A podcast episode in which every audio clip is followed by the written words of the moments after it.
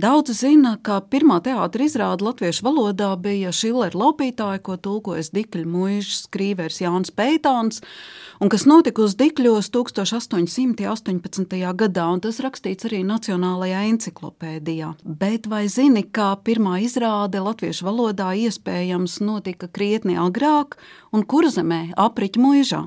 18. un 19. gadsimta mijā parādās pirmās latviešu iespiestās lugas, un tostarp ir arī apriņķa mācītāji.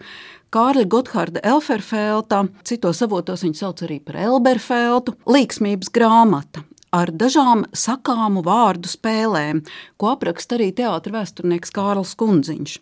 Un 1955. gadā izdotajā grāmatā Latviešu teātris repertuārs starp šīm sakām vārdu spēlēm ir arī Lūga tā dzimšanas diena, oriģināla darbs, kas propagandē baku potēšanu.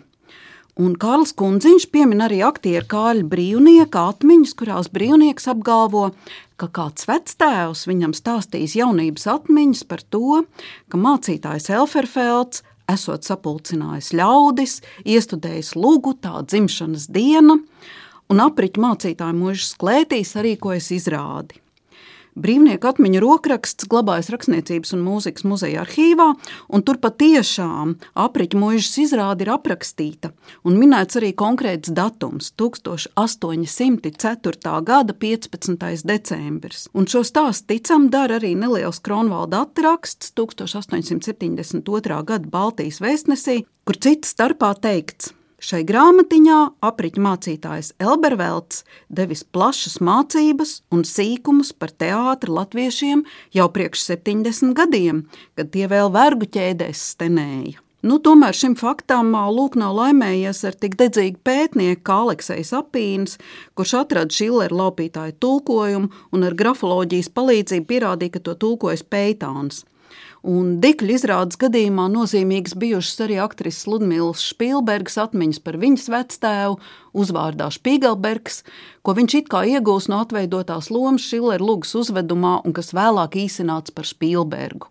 Un par to ir rakstījis Valdemārs Ancīts laikrakstā Padomu Zemi 1968. gadā. Savukārt brīvnieku atmiņās minētā versija par apriņķu mūžas teātri, teātri vēsturē vispār tālāk nav pētīta.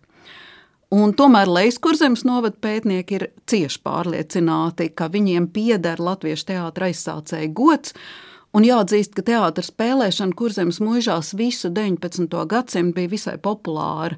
Un vecos rakstos var atrast liecības gan par latviešu komēdiju, kas spēlēt kādas kalponas kāzās Valtāņu mūžā, gan par izrādēm aizputē, Gramsdā, Nīcā, Cīravā un citur. Tikai 1877. gada 30. novembrī aizsāks Latviešu teātris Liepājā, kad teātra mīļotāju pulciņš izrāda trīs viencēlienus - Midzenes tiesas priekšā, Bagāta brūte un Iciks Mūzes.